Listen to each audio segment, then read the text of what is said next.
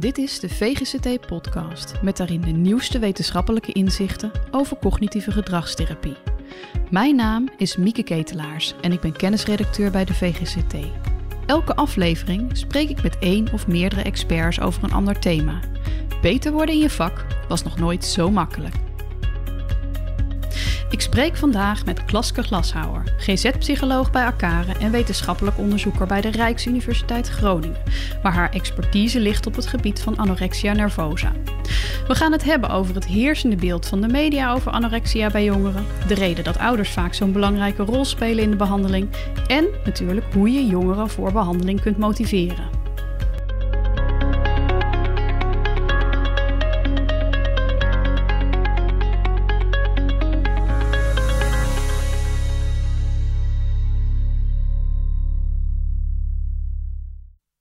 Klaske, welkom. In de media is veel aandacht voor de ernstige gevallen van anorexia. En er wordt er gesproken over dwangvoeding, eh, gedwongen opnames, een hoog overlijdensrisico. Dat is nogal een heftig beeld. In hoeverre klopt dat? Ja, bij een kleine groep is dat inderdaad aan de orde. Maar dat is wel echt een fractie van het hele grote deel van jongeren met anorexia nervosa. En helemaal als je het nog breder trekt, jongeren met een eetstoornis. Daarvoor is dat gewoon echt niet representatief. En dat maakt dat ik wel altijd met wat gemengde gevoelens ook naar zulke berichten kijk omdat ik het aan de ene kant gewoon heel belangrijk vind dat er ook aandacht is voor deze schrijnende verhalen. En ja, je ziet ook dat het soms nodig is daar aandacht aan te besteden om mensen wakker te schudden en zaken bijvoorbeeld op politiek niveau beter voor elkaar te krijgen. Mhm. Maar aan de andere kant vind ik het ook heel ja, risicovol dat daar dan best veel aandacht naartoe gaat, omdat zo'n eenzijdig beeld ook juist bijdraagt aan een stigma van uh, anorexia nervosa, maar ook eetstoornis in het algemeen. Als een stoornis waar je nooit meer van afkomt en eigenlijk bijna een soort ja, doodvonnis als je daarmee te maken hebt. En ja, ik ben bang dat, eh, dat dat stigma jongeren zou kunnen tegenhouden om hulp te zoeken, waardoor ze juist weer later in beeld komen wanneer de klachten al zijn verergerd. Dus ik zou zelf heel graag zien dat we naast de aandacht voor die ernstige gevallen ook veel aandacht kunnen besteden juist aan de grootste groep. Realistische kennis kunnen verspreiden en ook een boodschap van hoop mogen verspreiden. Er zijn gewoon hele goede behandelingen voor anorexia nervosa. En het klopt dat dit niet voor iedereen werkt, maar voor een grote groep wel. Ja. Het is mogelijk om met hulp van je eetstoornis af te komen. Of in ieder geval je klachten zodanig onder controle te krijgen dat je er goed mee kan leven. En dat is wel een ander beeld natuurlijk dan je nu standaard in de media voorbij ziet komen. Ja, over de behandeling gaan we het straks zeker nog hebben. Maar misschien is het goed om eerst even te bespreken wat anorexia nervosa precies is. Ja, um, nou, anorexia nervosa is een eetstoornis waarbij iemand weinig eet, te weinig eet. Maar ook soms andere dingen doet om te proberen het eigen gewicht of lijf onder controle te houden. bijvoorbeeld eh, braken of heel veel bewegen, sporten of uh, bijvoorbeeld laxeermiddelen gebruiken. Dus eigenlijk ondanks dat iemand veel te licht is qua gewicht, is iemand wel heel erg bang om aan te komen of zelfs dik te worden. En doet diegene er dan dus alles aan om dat te voorkomen. En dus dat is eigenlijk een belangrijk kenmerk. En daarnaast zien we ook dat uh, mensen met anorexia nervosa vaak voor hun zelfwaardering, dus hoe ze over zichzelf denken, heel veel waarde hechten aan uh, de controle die ze houden over het gewicht, hun lichaamsvormen en het eten. Of dat iemand eigenlijk niet een realistisch beeld heeft van het eigen lijf. Hè? Dus zichzelf eigenlijk als ja, dikker ervaart dan ze eigenlijk is. Of gewoon echt de ernst van het ondergewicht ontkent. Ja. Nou, dus dat is eigenlijk in een notendop het belangrijkste kenmerk van anorexia nervosa. Maar het is wel zo dat anorexia echt in heel verschillende vormen en ook ernst voorkomt. Maar eigenlijk in alle gevallen zien we wel dat het, de stoornis een grote invloed heeft op iemands lichamelijke, maar ook sociaal-emotionele ontwikkeling. Maar ook een behoorlijke impact heeft op het welzijn van de mensen die eromheen staan, de naasten. Ja, dus het is een heel ingrijpend probleem eigenlijk. Ja. Hey, en de lifetime prevalentie van anorexia die is 1 tot 4 procent. En daarin zie je ook een hele duidelijke piek in de adolescentiefase en ook op jongvolwassen leeftijd. Mhm. Als je nou kijkt naar um, met name die jongere groep, zien we dan alle jongeren in hulp of denk je dat we er veel missen? Ja, dat, dat, is best lastig te zeggen, eigenlijk om een aantal redenen. En het eerste is dat we weten van eetstoornissen dat die eigenlijk relatief slecht in hulp krijgen uh, nu nog. Bij anorexia nervosa hebben we de indruk dat daar wel wat meer mensen in hulp komen. En het heeft er ook mee te maken dat je dat toch wat meer ook aan de buitenkant natuurlijk ziet. Dat het niet goed gaat met iemand. Mhm. Maar echt precies, en zeker van de laatste jaren, is dat moeilijk te zeggen. En dat komt ook omdat we op dit moment eigenlijk de gegevens missen over hoeveel mensen met anorexia nervosa nu eigenlijk in behandeling komen. En dan met name onder jongeren. sinds de financiering van de jeugd GGZ van de verzekeraars naar de gemeente is gegaan, houden we daar eigenlijk niet systematisch meer gegevens over bij. Dus dat maakt het ook heel lastig om die vraag te beantwoorden. En het is wel iets waar we op dit moment mee bezig zijn vanuit KATE. Dat is een landelijke stuurgroep die door eh, VWS is geïnitieerd. Die probeert de ketenaanpak van eetstoornissen bij kinderen en jongeren te verbeteren. En vanuit de KATE zijn we wel aan het kijken of we meer systematisch mogelijk die gegevens over zorg voor mensen met een eetstoornis kunnen gaan bijhouden in Nederland. Oké. En niet alleen hè, dat je weet van oké, zoveel mensen zijn er in hulp en dat je dat ook kan monitoren over het beloop over de tijd bijvoorbeeld. Maar juist ook om te kunnen volgen van nou, hoe gaat het dan ook in de behandeling met deze mensen en wat kunnen we daarvan leren, zodat we natuurlijk ook samen de zorg voor deze groep beter kunnen maken. Nou is er behoorlijk wat onderzoek gedaan naar oorzaken van anorexia. Denk je dat we die inmiddels goed kennen? Uh, ja, dat is een, een, best een ingewikkelde vraag. Wisten we dat maar? Want hier zijn natuurlijk wel heel veel ideeën over en is ook al best veel onderzoek naar gedaan.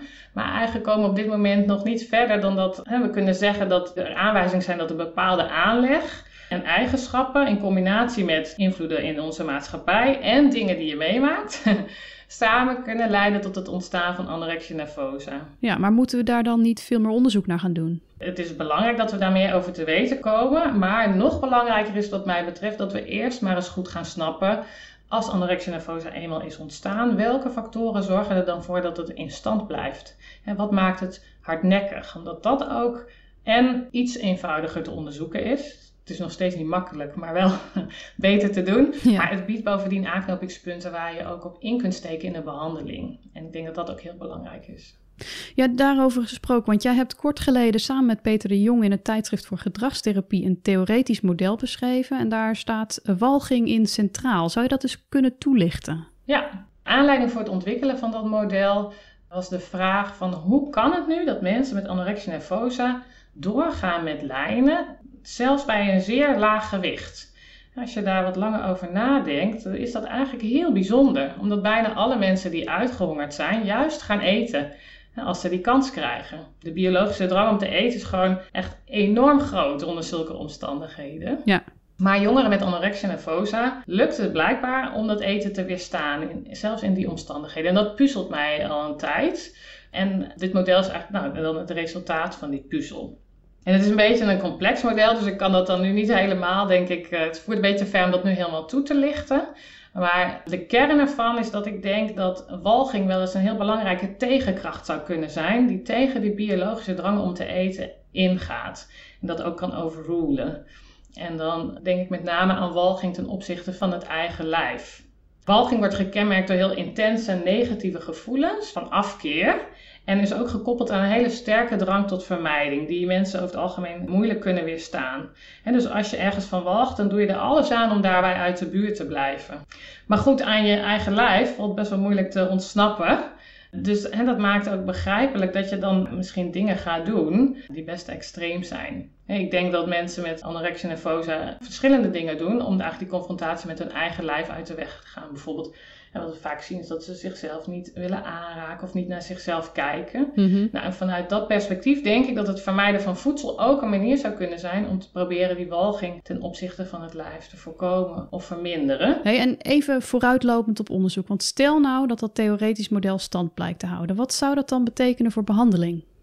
Ja, nou, stel dat dat inderdaad zo is, dan hè, betekent dat dat je dus ook iets met die walging zou moeten in de behandelingen. Als je kijkt naar de huidige behandelingen, dan zijn die daar niet specifiek nu op gericht. Nee. De huidige behandelingen pakken denk ik wel een heel aantal belangrijke elementen aan, Mhm. die ook terugkomen hè, in, in dat theoretische model wat ik heb beschreven. Maar eh, die kern van walging wordt nu nog niet aangepakt. En daar zou je dan iets moeten toevoegen, denk ik, aan de bestaande behandelingen. En een manier waarop dat bijvoorbeeld zou kunnen is via langdurige exposure, dus langdurige blootstelling aan het object van walging. Dus in dit geval aan het eigen lijf. want we weten dat als je walging wil laten dalen, dan is het belangrijk dat er in de loop van de tijd gewenning kan optreden. Ja. Dus bijvoorbeeld als je, even een heel ander voorbeeld hoor, maar stel je hebt als bijbaantje, maak je openbare toiletten schoon. Dan vind je dat op je eerste werkdag waarschijnlijk best wel vies of walgelijk om te doen. Uh, maar als je dat een jaar lang uh, doet, elke zaterdag, dan voel je op een gegeven moment waarschijnlijk veel minder walging. Echt alleen nog maar af en toe, wanneer je hele, hele vieze dingen tegenkomt, zeg maar. nou, maar hetzelfde zou ook kunnen gelden voor je eigen lijf. Als je dan iemand langdurig daaraan blootstelt, dat dan op een gegeven moment die walging naar beneden gaat. En bij anorexia nervosa is dat natuurlijk wel wat lastig, want uh, het zou kunnen dat die walging niet zozeer door het lijf met ondergewicht wordt uitgelokt, maar dat iemand bang is eigenlijk voor het eigen lijf in een gezonde toestand of zelfs met overgewicht. Dus hoe stel je iemand daar dan aan bloot?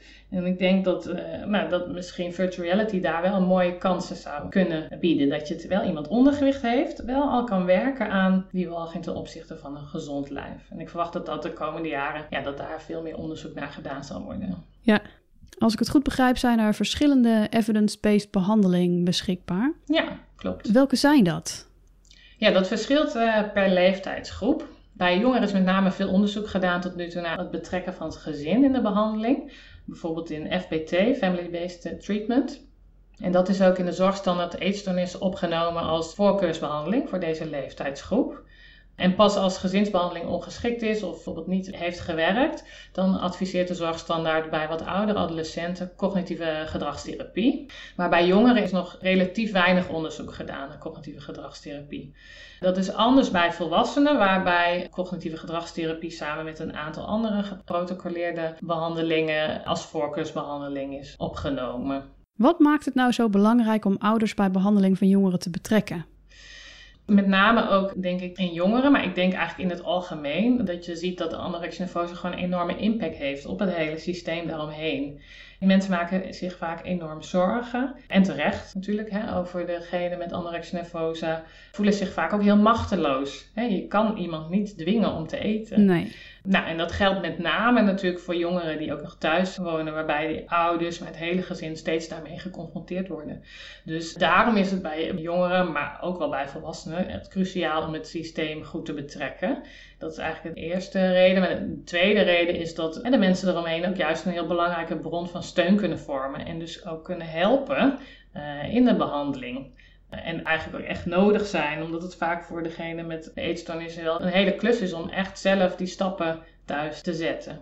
Dus daarom moet je eigenlijk met elkaar ja, een soort team vormen. En uh, zijn de ouders ook echt nodig. Bijvoorbeeld binnen onze eigen instelling beginnen we ook hè, met een week intensieve dagtherapie, waarbij meerdere jongeren samen met hun ouders in een heel korte tijd veel informatie kunnen krijgen, maar ook met elkaar dingen kunnen uitwisselen. Zodat je juist ook in het begin met elkaar de neus dezelfde kant op hebt en een, een vlotte start kan maken in de behandeling. Wat er ook nog goed is om te noemen is, denk als een behandeling dan klaar is, is er ook best nog een hele tijd wel een risico dat het weer minder goed met iemand gaat. We weten dat je goed alert moet zijn op terugval en daar kunnen ouders, maar de hele omgeving ook een belangrijke rol spelen. En dat is waarom we ouders ook standaard betrekken bij bijvoorbeeld een terugvalpreventieplan, zodat zij ook weten van hé, hey, waar kunnen we het dan aan herkennen, maar ook belangrijk van wat kunnen we dan doen? En dat je dat met elkaar van tevoren al afspreekt. En is er ook een situatie denkbaar waarin je ouders juist een kleinere rol zou willen geven? Ja, maar we kunnen natuurlijk allerlei redenen zijn. Maar wat een nadeel kan zijn van gezinsbehandeling, denk ik, is als echt het gezin, nou, als het ware een beetje de controle overneemt. Dat dat voor sommige jongeren echt heel lastig is om dat te accepteren. Omdat nou juist controle, het gevoel van controle, ook heel belangrijk is. Voor degene met een eetstoornis. En als dan andere mensen opeens allerlei dingen gaan bepalen voor iets wat jij heel belangrijk vindt, dan kan dat ook heel veel weerstand oproepen. Dus dat lukt niet altijd om dat de goede kant op te draaien. En in cognitieve gedragstherapie zie je dat je eigenlijk veel meer naast iemand staat. Dus je neemt eigenlijk niet de regie over, maar je staat naast iemand en je bepaalt samen de doelen. En natuurlijk probeer je iemand duwtjes de goede kant op te geven. Maar uiteindelijk ja, volg je daarin dan de jongeren meer. En daarom kan het zijn dat als gezinstherapie niet werkt, dit dan voor sommige jongeren een heel goed alternatief is. En kun je ons iets meer een beeld schetsen van de technieken die je inzet in CGT? Ja, Eigenlijk zie je dat bij jongeren met een eetstoornis. Wat heel belangrijk is, is dat op een of andere manier de koppeling tussen wat je eet en wat er vervolgens dan met je lijf of met je gewicht gebeurt, dat die koppeling eigenlijk niet goed meer werkt. En wat dat betekent is dat jongeren eigenlijk van alles wat ze eten vaak ontzettend bang zijn dat ze daarvan zullen aankomen. En dat ze dat aankomen bijvoorbeeld ook niet kunnen stoppen. Dus dat ze het gewicht eigenlijk niet meer onder controle kunnen houden. Dus eigenlijk een heel belangrijk doel van CGT is dat je die koppeling weer meer realistisch gaat maken. Iedereen weet natuurlijk dat als je heel veel eet de hele tijd, daar kan je van aankomen. Maar het is niet als je één keer een koekje eet, dat je daar dan twee kilo van aankomt. Dus dat mag eigenlijk weer meer realistisch worden. En dat doen we door eigenlijk ook vanaf het begin echt aan de slag te gaan met het opbouwen van een gezond eetpatroon, stap voor stap. En daarnaast dan wel ook natuurlijk het gewicht in de gaten te houden. We wegen dan ook in de sessie, zodat de jongere elke keer ook een terugkoppeling krijgt van hé, hey, ik zet nu deze stappen in het eten en wat gebeurt er dan nu met mijn gewicht? Wat ik verwacht, klopt dat eigenlijk? En dat ze daar steeds feedback op kunnen krijgen. En dat ze kunnen gaan leren van nou, waar ik bang voor ben, dat gebeurt eigenlijk in werkelijkheid niet zo snel. Nou, en sowieso is het altijd belangrijk om echt te starten met dat gewichtsherstel aan het begin van de behandeling, omdat een betere lichamelijke toestand ook echt helpt voor de jongeren dat ze ook fysiek en cognitief in staat zijn om de andere behandelonderdelen aan te gaan. Ja. Dus dat is eigenlijk even een stuk over eten en gewicht. Daarnaast is het aanpakken van het lichaamsbeeld vaak een heel belangrijk onderdeel. En bijvoorbeeld binnen het CBTI-protocol is daarbij een heel belangrijk doel dat eigenlijk die overwaardering van de controle over lichaamsvormen en gewicht, dat die wordt verminderd. Dus dat jongeren hun zelfwaardering niet meer laten afhangen alleen maar van hoe het gaat met hun lijf en hun gewicht. En daarom werk je bijvoorbeeld door heel gericht activiteiten uit te breiden die ook belangrijk zijn voor de jongeren. Bijvoorbeeld contact met vrienden, familie verbeteren of een oude of nieuwe hobby oppakken, werken aan school. En andere dingen probeer je juist te verminderen, waarvan we weten dat dat, dat in stand houdt, hè, die overwaardering. Bijvoorbeeld stoppen met het steeds met checken van je eigen lijf of jezelf vergelijken met anderen. Eh, en dat probeer je te verminderen door uitleg te geven, zelfmonitoring te doen en ook exposure toe te passen. Als je het zo beschrijft, klinkt het simpel, maar de ervaring leert toch ook wel dat veel jongeren met anorexia worstelen in hun behandeling. En dat zou onder andere te maken hebben met het idee dat het gedrag dat voortvloeit uit anorexia egosyntoon is. Ja. Hoe motiveer je een jongere dan toch voor behandeling? Ja, dat is inderdaad soms best een lastige puzzel. En ik denk dat er daarbij twee dingen belangrijk zijn, waar je eigenlijk altijd goed naar moet kijken samen met de jongeren als je begint met behandeling. En het eerste is dat je goed samen met de jongeren hè, kan begrijpen van wat maakt die eetstoornis nou eigenlijk zo belangrijk voor iemand. Iemand heeft er vaak ook last van, maar het levert vaak juist ook iets op voor iemand. En als je dat goed kan snappen, dan kan je ook samen gaan kijken van hé, hey, maar zou je ook willen kijken hoe je toch kan krijgen wat je nodig hebt, zonder dat je dat met die eetstoornis hoeft op te lossen. Dus dat is denk ik één kant. En het tweede waar we ook altijd naar kijken is van ja, waar kan iemand het voor doen? want een behandeling voor je eetstoornis volgen is gewoon hard werken. En dan is het belangrijk dat je wel scherp hebt van ja, wat gaat me dat dan brengen? Wat heb ik er dan aan? Ja. zolang een jongere alleen maar het gevoel heeft van ja, dit is hartstikke eng en ik ga hier niet beter van worden, ik raak alleen maar dingen kwijt ja, dan kan je je voorstellen dat dat niet heel motiverend is. Dus ik denk dat dat zijn eigenlijk twee dingen die we altijd aan het begin van de behandeling meenemen. Maar ik kan me voorstellen dat dat niet in alle gevallen tot het gewenste resultaat leidt. Hoe kun je dan toch nog drang en dwang voorkomen?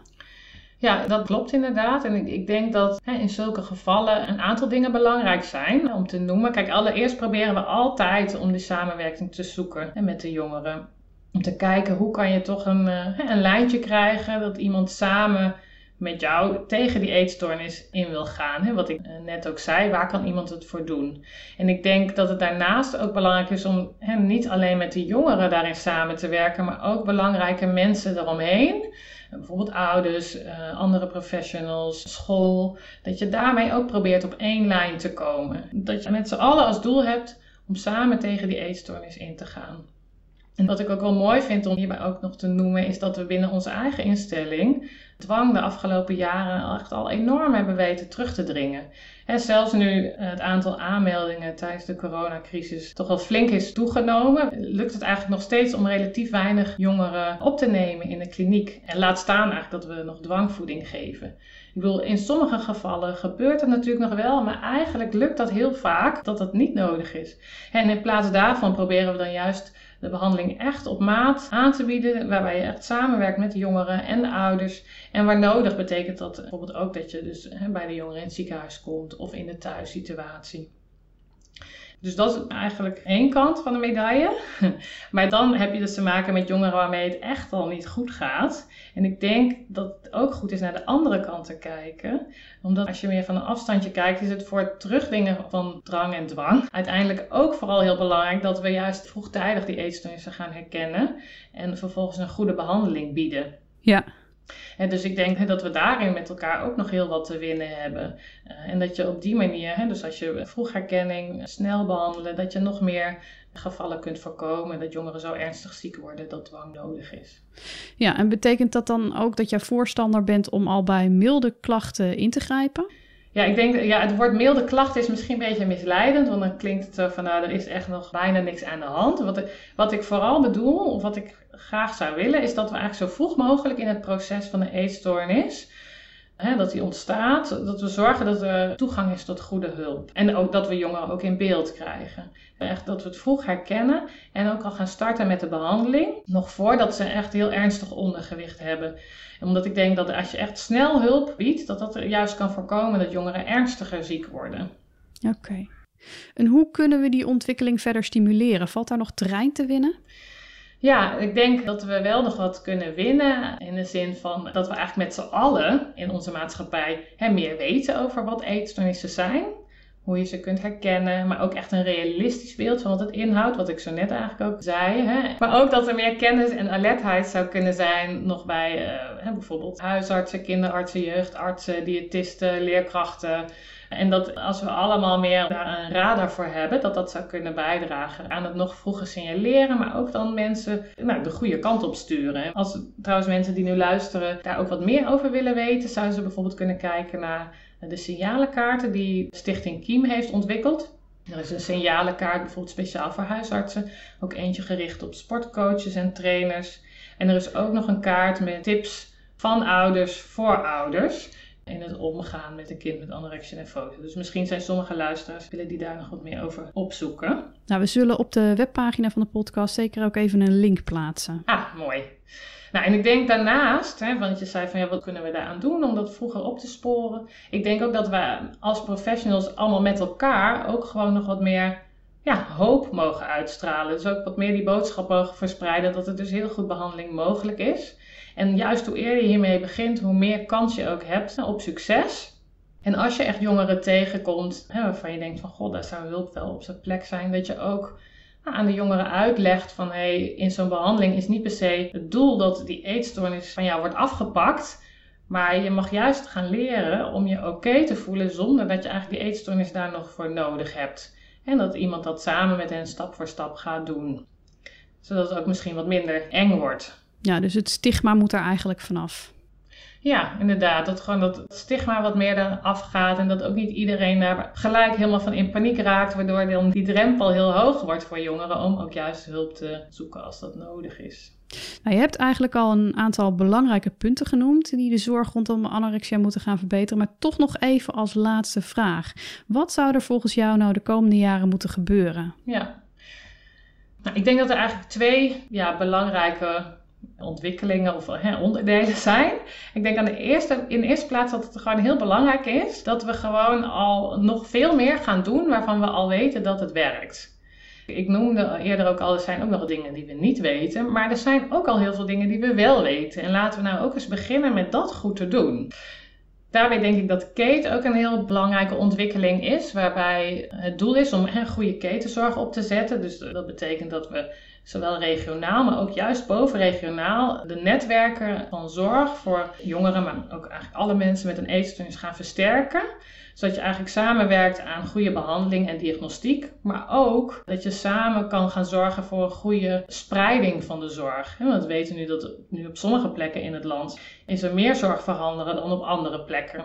Maar ook voor goede uh, scholing, uitwisseling van expertise. Dat je samenwerkt aan vroegherkenning en dus ook die drempel tot de zorg verlaagt. Dus ik denk dat zijn eigenlijk allemaal dingen die we nu al gelijk kunnen doen. Nou, en daarnaast denk ik dat we ook echt nog meer wetenschappelijk onderzoek moeten doen. Dat we echt nog beter gaan snappen van wat houdt nou anorexia nervosa in stand? Welke factoren zijn daarbij nou cruciaal en moeten we aanpakken in de behandeling? Ik ben dus zelf aan het kijken naar de rol van zelfvolging. Maar ik weet ook bijvoorbeeld dat ze bij de Universiteit van Maastricht de komende tijd veel gaan kijken naar de rol van vermijding in anorexia nervosa. En ik denk dat het belangrijk is heel precies daarnaar te kijken. En liefst ook echt experimenteel die mechanismen te toetsen. Zodat je echt onderscheid kan gaan maken tussen, oké, deze factoren leken relevant, maar zijn niet zo belangrijk. En hey, deze factoren doen er echt toe. En daar moeten we echt onze interventies op afstemmen om de effectiviteit van de huidige behandelingen verder te verbeteren. Klaske, we moeten helaas afronden. Ik ga je bedanken voor je tijd en informatie. Ja, dankjewel. Voor de luisteraars nog eventjes, uh, mocht je geïnteresseerd zijn in Klaskes onderzoek, kijk dan vooral ook even op anorexiaonderzoek.nl. Daar staan heel veel interessante onderzoeken die momenteel gaande zijn. Je luisterde naar de achtste aflevering van de VGCT-podcast. Wil je nog meer weten over eetproblematiek bij jongeren? Abonneer je dan vooral even op ons kanaal, want in de volgende aflevering gaan we het hebben over ARFID. En heb je een idee voor een nieuw thema? Stuur dan een mailtje naar communicatie.vgct.nl. Tot snel!